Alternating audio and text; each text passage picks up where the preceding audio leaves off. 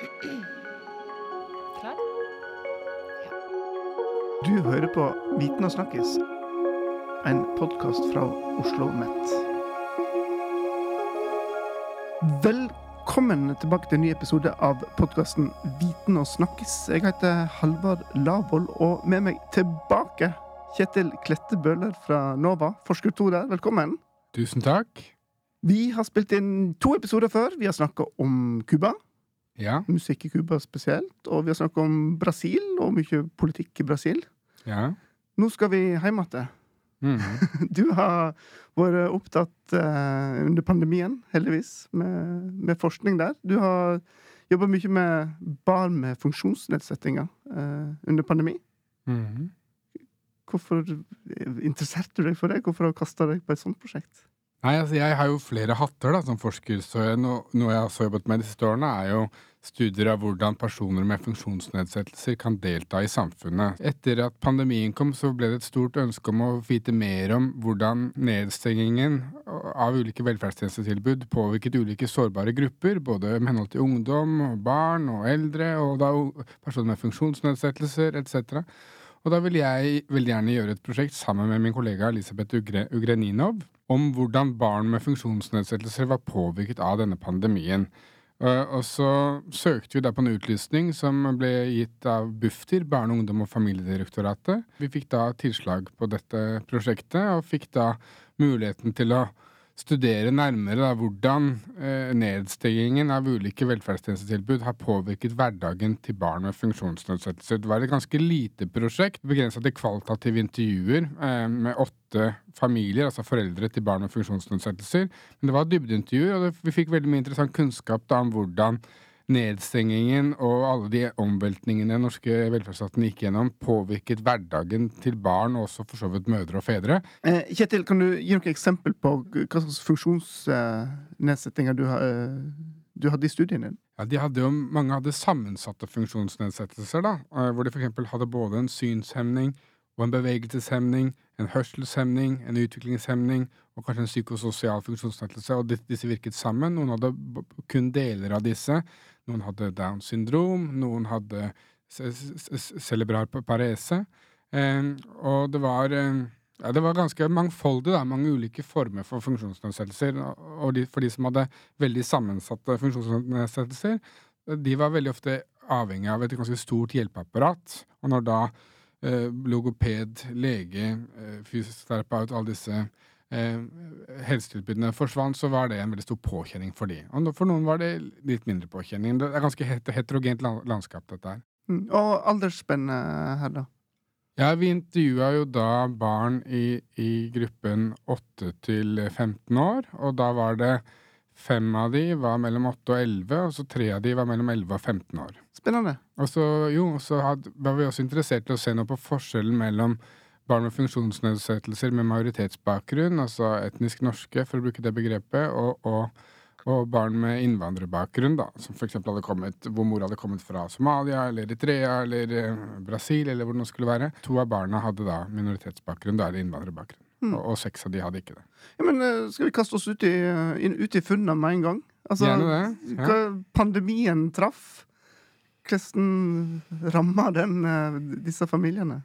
Det som var litt slående og interessant å, å finne, var at den endret jo alt. Det var veldig dramatisk for veldig mange. Eh, den ene informanten sa noe sånn som eh, Moses hadde det bedre i ørkenen, det var helt forferdelig. Eh, jeg mistet tilgangen til alle hjelp, altså ressursene vi vanligvis hadde tilgang til. Stønader ble borte. Legen kom ikke, logopeden kom ikke. Vi fikk beskjed om at ikke vi fikk tilgang til de vanlige støttetiltakene vi, vi skulle ønske vi kunne få. da. Eh, og så var det flere da som tok initiativ til det. Men kan vi ikke ha disse, i hvert fall noen koordineringsmøter på Zoom eller Teams? da, ikke sant? For det hadde vært veldig effektivt for, de, for, for en del av familiene, særlig de som har barn med eh, altså sammensatte funksjonsnedsettelser, hvor, man, hvor det kanskje er ti til tolv ulike helsearbeidere inne i livet deres, la oss si en logoped, en ergoterapeut, en fysioterapeut og en lege og en rekke andre personer. For de personene så var det veldig viktig å koordinere disse ulike behandlingstilbudene og, og ha dialog med de ulike fagpersonene. Så de foreslo kan vi ikke ha det på Teams da, eller FaceTime eller et eller annet sånt, og men da sa altså velferdstjenesteapparatet og de som tilbyr disse tjenestene, at nei, det kan vi ikke pga. personvernhensyn. Mm.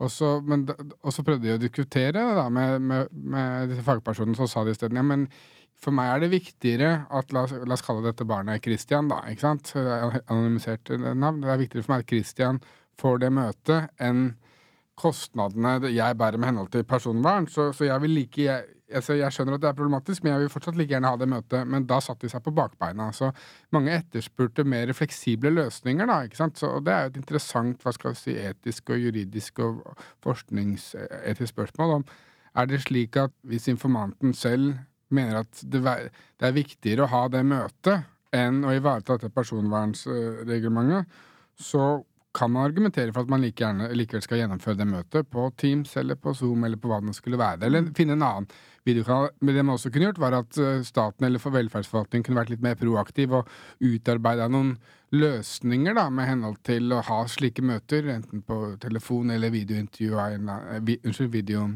kommunikasjon av en eller annen sort. Da. Så det, det var sårt for mange. Pandemien endret uh, veldig mye. Det ble veldig, veldig, dramatisk for mange. Et annet eksempel var en annen informant som vi kaller Turi, også selvfølgelig anonymisert. Hun, hun, begynte å gråte faktisk i starten av intervjuet, for det brakte fram så mange vonde minner. For det var så tøft, uh, og det var eh, Ja, dette er jo viktig å ha i bakgrunnen da at dette er personer som ofte lever et ganske utfordrende liv, hvor hverdagen er komplisert i utgangspunktet, og de trenger disse ulike hjelpeverktøyene og tjenestene de får. Det er ganske eh, utfordrende. Og når da i tillegg alt dette blir borte, så blir det jo på en måte dobbelt så utfordrende, da. Ikke sant? Mm. Uh, I tillegg til å skape bekymringer for noen. ikke sant? Er det slik at ja, hva hvis barnet mitt blir smittet av covid-19, eller jeg blir syk? Og, så er det mange tilleggsbelastninger. For én ting er at du mister disse velferdstjenestene. En annen ting er at kanskje dette barnet har flere søsken da, som ikke har funksjonsnedsettelser, men som også må være hjemme hele tiden og hjemmeskole. Også krever mor og far sin oppmerksomhet. Og i tillegg som om mor og far har hjemmekontor, så har du plutselig fem-seks personer da, som lever på 60-70 kvadrat midt i Oslo. Og det er klart, alle skjønner at det kan, det kan være tøft. Så det er viktig å huske på at Pandemien var nok tøff for veldig mange, men det var nok spesielt tøft for barn med funksjonsnedsettelser og deres foreldre, da, kanskje. Mm, mm. Du, skolen er jo en viktig del av livet til disse barna på et eller annet vis. Mm. Eh, hvordan gikk det med der, det forholdet til skole og ja, heimeskole en periode? Det veldig mange starta med, var jo digitale løsninger. ikke sant? Så i skoleverket så fikk man til det. Det er jo interessant at disse helse, altså forvaltningen av helsetjenester var litt skeptiske til å gjennomføre eh, digital, altså videokommunikasjonsløsninger av ulike art, men i skoleverket så hadde man det. Jeg tror det var Teams og visse tilfeller FaceTime og, og, Messenger. De var litt kreative på skolen. Det var veldig vanskelig for lærerne å styre en klassechat, f.eks. på videokommunikasjon på FaceTime. Du kan jo tenke deg selv hvis det er la oss si 25 eh, eh, barn på ti år som skal prate sammen på, på, FaceTime, og kanskje halvparten av de glemmer å mute telefonen, så blir det jo kakafoni. Eh, og det, det, er nok vanskelig for læreren å håndtere dette her, men da opplevde jo også barn at det ble veldig en slags anarki, da. og og særlig de barna med funksjonsnedsettelser som vanligvis kanskje, kanskje syntes det var utfordrende å delta sosialt, de ble enda mer marginalisert. Eh, så de ble liksom litt ekskludert da, i dette her nye digitale rommet, og de skjønte heller ikke helt hva man skulle poste på på chatten, ikke sant, i sosiale medier og sånn. Det, det, har en slags egen logikk, det liksom å være sosial på Facebook versus være sosial i, i hverdagslivet, da, i mm. offline. Og, og, her er det ulike koder for ulike grupper og ulike aldersgrupper, og henhold til hvilke liksom, emojis du kan poste, kanskje, og hva du kan si, og hva som er kult og ikke kult. Og, og da opplevde flere av barna å bli mer marginalisert, da. Kanskje mobbet noen av de, i hvert fall utfryst på ulike måter, da. Og så var det Dette er foreldrene sine historier, da. Men og så virker det også som mange av de, si, de kuleste i klassen, da, de dominerte enda mer. Og skulle kanskje nei, vise fram at de har lært seg en ny sang, og så spilte de den, og så var det en som begynte å rappe litt, og så skulle slå en vits, men så skulle læreren egentlig gå gjennom pensum i naturfag. Det, det, var, det var nok ganske kaotisk, og det var nok ganske vanskelig. Eh, og I tillegg så hendte det at internett ikke fungerte. ikke sant? At Du kan tenke deg hvis både, begge de andre søsknene spiller eh, dataspill, f.eks., med masse andre har LAN-party, eh, og, og, far er på videokonferanse med jobben, så kan det, det ta, tære på båndbredden og hastigheten på internett. Eh, så det er mye mer å si om dette med hjemmeskole, men det, i henhold til den digitale hjemmeskolen så så opplevde vi at, basert på våre studier, at barn med funksjonsnedsettelser ble ytterligere marginalisert. Og det var noen som også hadde funksjonsnedsettelser som gjorde at det her, var egentlig helt umulig, fordi de ville ikke sitte foran en datamaskin, eller det de likte de ikke. De likte interaksjon med mennesker, de likte å gjøre andre ting. Noen gikk på spesialskole og hadde en helt annen skolehverdag. Så, så det hadde ganske heterogene effekter. Men jo, men så var det noen hva skal jeg si, suksesshistorier, da. Så det var e-, ett av barna da, som opplevde at de lærte mer under hjemmeskole. Og hvorfor det? Det var fordi at i denne, i denne familien her så hadde mor vært hjemmeværende ganske lenge, for de hadde også økonomiske ressurser til det. Det var noe med konteksten rundt det. Eh, og det gikk greit. altså Familieøkonomien gikk rundt. Far jobbet, det var noen andre søsken hjemme òg. Og da uh, fikk uh, jo mor og datter med funksjonsnedsettelse beskjed av skolen om at de kunne utarbeide sitt eget undervisningsopplegg. De lastet ned en rekke nettressurser, og da greide de etter hvert å utvikle et, utdannings, et opplæringsprosjekt som var mer effektivt enn det de hadde på skolen. For da kunne de mm. ha én-til-én-undervisning, de kunne gå gjennom det pensumet de syntes var interessant. Hun sa f.eks. at nå har vi gått gjennom pensum for tredje og fjerde klasse òg, deler av det i hvert fall. Hun gikk i andre klasse, for de kunne være mer konsentrerte. Men de måtte også strukturere undervisningen. Altså det hun sa, at vi, vi organiserer skolehverdagen slik at etter, fe, etter 45 minutter så, så, ringer alarmen på mobilen, og da er det friminutt. Så får vi pauser. Det er viktig å gjøre det. Så tar vi de tyngste fagene først om morgenen, og så tar vi andre fag litt senere på kvelden.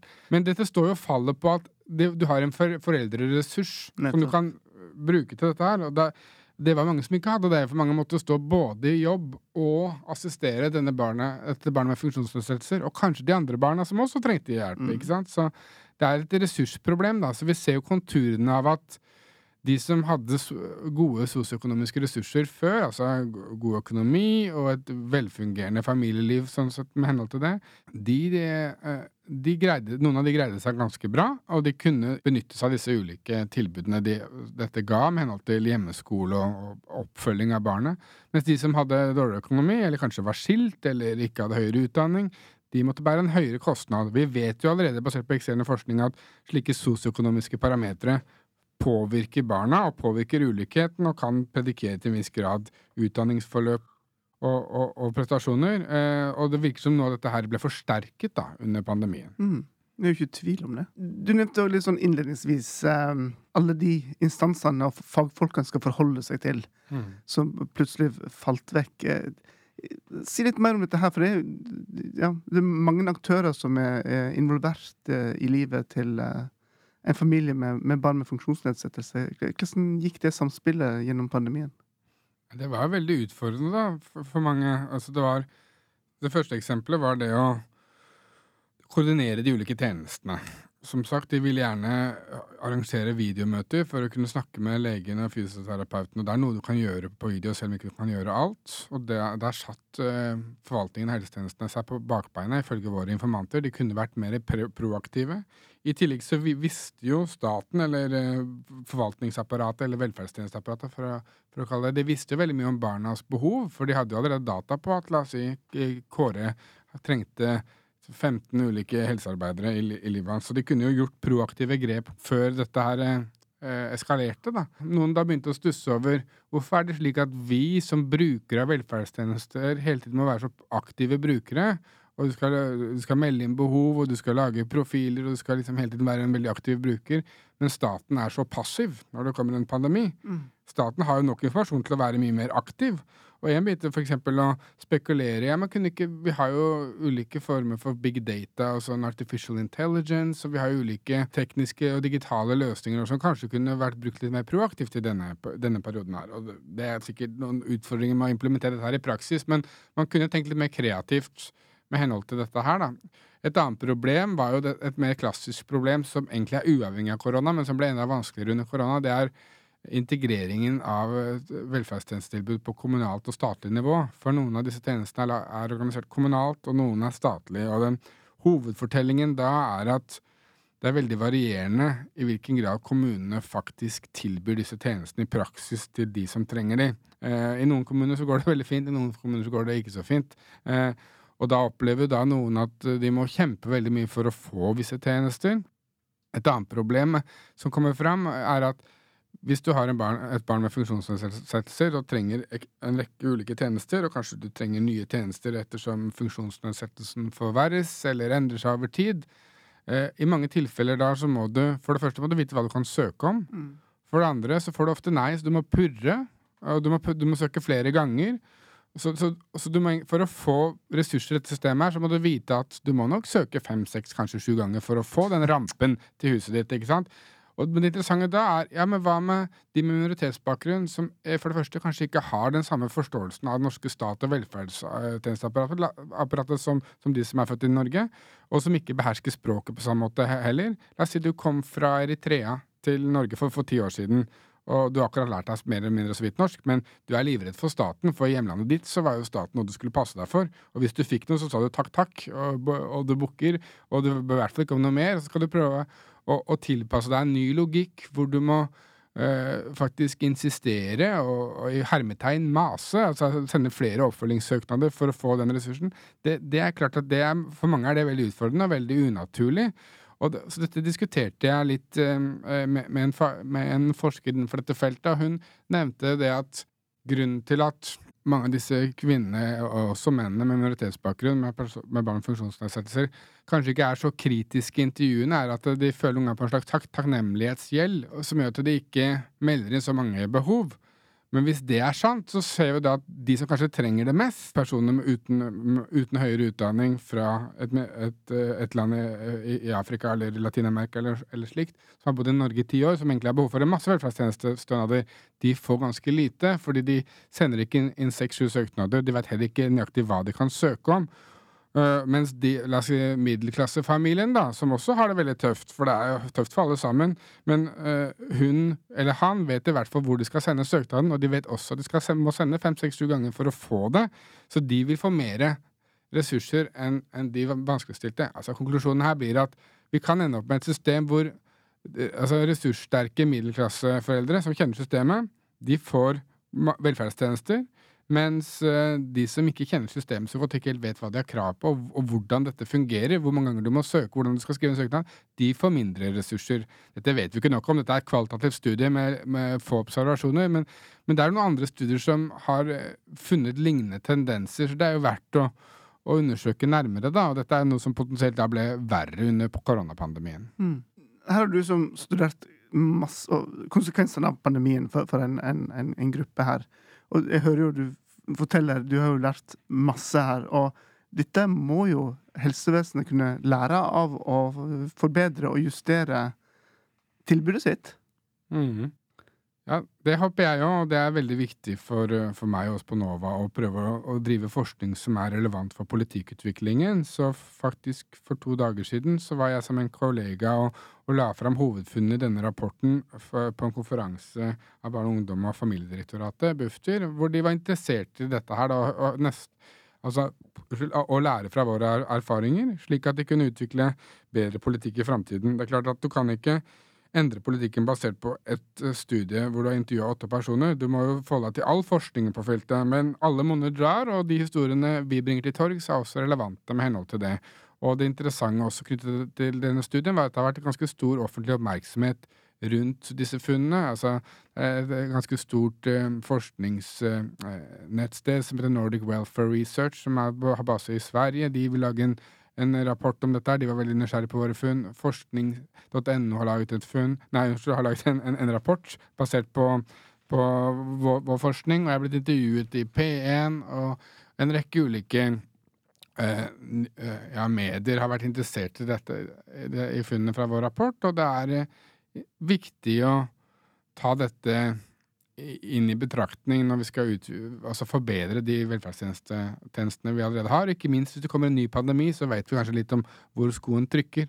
Det interessante med vårt studie tenker jeg, er at vi har nå diskutert funnene med en rekke aktører på feltet, og, og med andre familier med barn med funksjonsnedsettelser, med andre forskere, og, og hovedlærdommen er at mange nikker, og, og det virker som de sier sånn Jeg tror dere beskriver noen erfaringer som mange kjenner seg igjen i.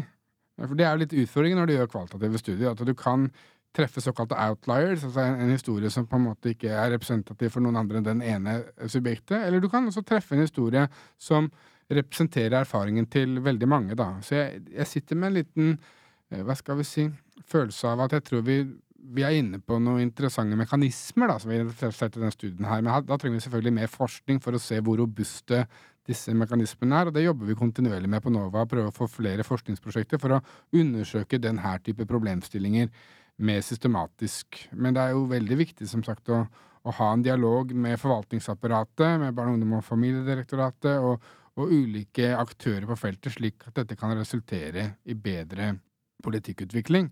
Og, og hvis du som hører på er, er, interessert i rapporten som er skrevet, og det uh, som jeg skrev ellers, så er det bare å besøke Viten og snakkes oslomet.no, så skal jeg til å lenke opp til alt som er skrevet og, og, om, om, eh, om, denne studien her. Um, men tilbake til det du sier, så eh, en skulle jo tro at eh, selv om en har pandemi eller ikke pandemi, det skal vel ikke måtte sendes inn fem til seks søknader for å få, få, bedt om litt hjelp? Ja, det kan du si, og det er et veldig godt poeng. Så jeg tror det er viktig at man også går kritisk gjennom de ulike velferdstjenester som tilbys, og kanskje saksbehandlingsprosedyrene og, og identifisere potensielle flaskehalser. da. Hva er det som gjør at du må sende inn fem-seks søknader, og hva er det som gjør at i visse kommuner så får du ikke tilgang til tjenester som egentlig du har rett til å, å få tilgang til? Uh, for, for det, en ting er jo å lage en en policy, altså en, en, en, generell politikk om at alle skal ha rett til eh, tjeneste A, men så skal du implementere det i alle de ulike kommunene i Norge, da. Eh, og så viser det seg slik at eh, den ene kommunen greier ikke å tilby tjeneste A, eller for det er problemer med, med det ene eller det andre, eller budsjettet går ikke opp, eller de som skal gi den tjenesten, leverer ikke. Altså det er mange faktorer som er i spill her. Så jeg tror det er interessant å gå kritisk gjennom alle disse ulike tjenestene, og da identifisere kanskje hvilke tjenester er det som du bare trenger å sende én søknad til, og hvilke er det du ofte må purre eh, for å be om flere, altså, altså, sende flere søknader for å få. Det kan sikkert også ofte handle om liksom, vedlegg og formaliteter og slik, men da må jo da søkeren, altså brukeren av tjenesten, eh, få informasjon med en gang nøyaktig hva han eller hun må legge mm. ved da, eh, for å få det. Du, for, for, å unngå at vi nå bare snakker om alt som ikke fungerte, og, og, og det forferdelige med pandemien her. Eh, du trekker jo fram en positiv historie med, med den ene barnet som fikk det. Fikk bedre tilrettelagt undervisning. Eh, Eh, på heimeskolen. Fant du eh, andre positive funn? Det var noen positive funn. Altså, det var tydelig at BPA-ordningen var noe veldig mange savnet. Altså, positivt, du, positivt, og positivt. Bruker, ja, brukerstyrt personlig assistanse. Takk. Så det er en ganske, ganske fleksibel uh, velferdstjenesteordning som uh, som hvis du har et barn med funksjonsnedsettelser, eller har funksjonsnedsettelser selv, kan du be om det. Og da kan du få en assistent som kan støtte deg i hverdagen med henhold til hva du trenger. Da. Det er ofte ganske, ofte ganske, fleksibelt utformet. I og med at folk har ulike behov og ulike funksjonsnedsettelser og lever i ulike kontekster, så kan da den personen gjøre de arbeidsoppgavene som er mest hensiktsmessig. Det var noe alle skrøt av, som var veldig effektivt. Vi skulle gjerne hatt mer av det under pandemien, da, men det var et sånn konkret tiltak egentlig samtlige familier ba, skulle gjerne hatt mer av. Da. For noen så kunne det være effektivt med hjemmeskole, uh, gitt at mor eller far kan følge opp dette barnet. Og de fikk testa ut noen nye ting. For eksempel, det var altså, jeg, tilfelle med et barn som, som, hadde en fysisk funksjonsnedsettelse som gjorde det, gjorde det, vanskelig å skrive på datamaskin, eller skrive for hånd i det hele tatt. Eh, men da begynte hun å levere oppgaver som, altså slik som vi gjør nå. Hun spilte inn en slags uh, eh, podkast, ikke podkast, men hun tok opp på, på, på, telefonen sin og leverte det til læreren. Uh, og det, det, var en ny måte for henne å lære på. Hun fikk også da oppgaver auditivt istedenfor skriftlig.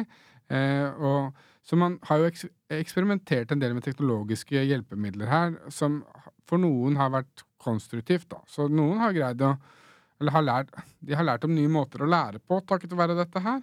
Og det, De har gjort noen oppdagelser selv. Det var blant annet et av barna snakket om at en, en utfordring for denne familien og for dette barnet var å finne avlastning også i hverdagen. Fordi denne datteren hadde såpass alvorlige funksjonsnedsettelser at eh, både mor og far ble veldig slitne av å hele tiden skulle hva skal vi si, støtte henne i hennes behov. Da. Så det var veldig fint i den grad de kunne ha avlastning hvis bestemor kom, eller tante eller onkel eller noe sånt noe. Men det var jo ikke så lett under pandemien, for det var ikke så lett å, å forflytte seg. Folk var redd for av smittevernhensyn. Men da begynte de etter hvert å arrangere sånne videosamtaler på eh, FaceTime på, via iPoden, tror jeg, eller Messenger-videoer og sånt noe. Og da begynte da, så bestemor og den, la oss kalle henne Stine, da, denne lille datter, datteren eh, på, ti år, eh, med funksjonsnedsettelser, og så kunne de være sammen på FaceTime. Og det de erfarte da, var at de behøvde ikke å si noe. De kunne bare se på hverandre. Altså Bestemor kunne sitte og stryke skjorter eller eh, rydde litt eller, gjøre noe som hun likte å gjøre i hjemmet. Da, eller, se eller til med, ja, kanskje lese en bok, for alt jeg vet. Altså hun kunne gjøre en praksis. Og så var Stine og, og, og, gjorde sin praksis, kanskje lekte med en bamse eller eh, ja, sang litt, eller gjorde det hun, hun likte. Og, men dette kunne avlaste mor og far, da, på en eller annen måte. Så da lærte, det han faren sa da, var at vi lærte noe nytt, sa han.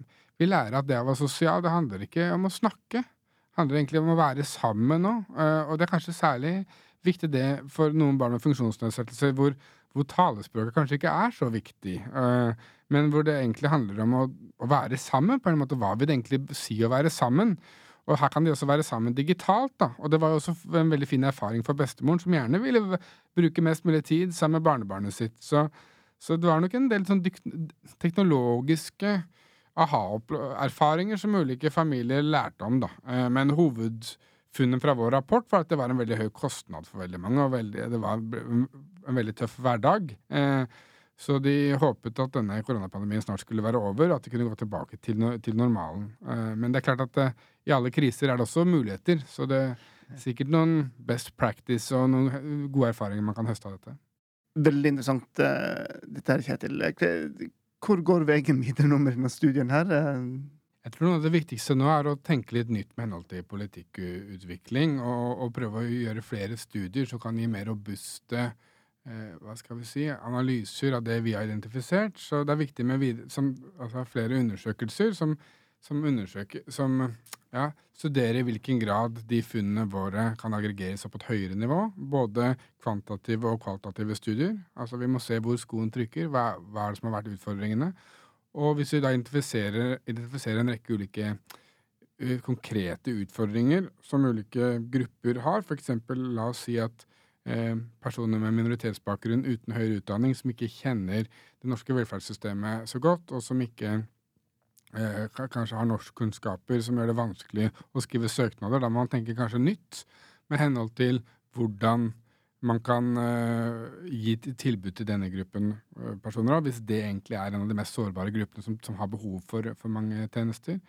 Eh, så det tenker jeg kan være viktig. Og så er det viktig kanskje å gjøre noen av disse velferdstjenestene tilgjengelig på flere språk og på ulike plattformer, for vi ser jo at noen hadde tilgang til informasjon med henhold til hvordan de kunne få tilgang til disse tjenestene sine, mens andre hadde ikke det.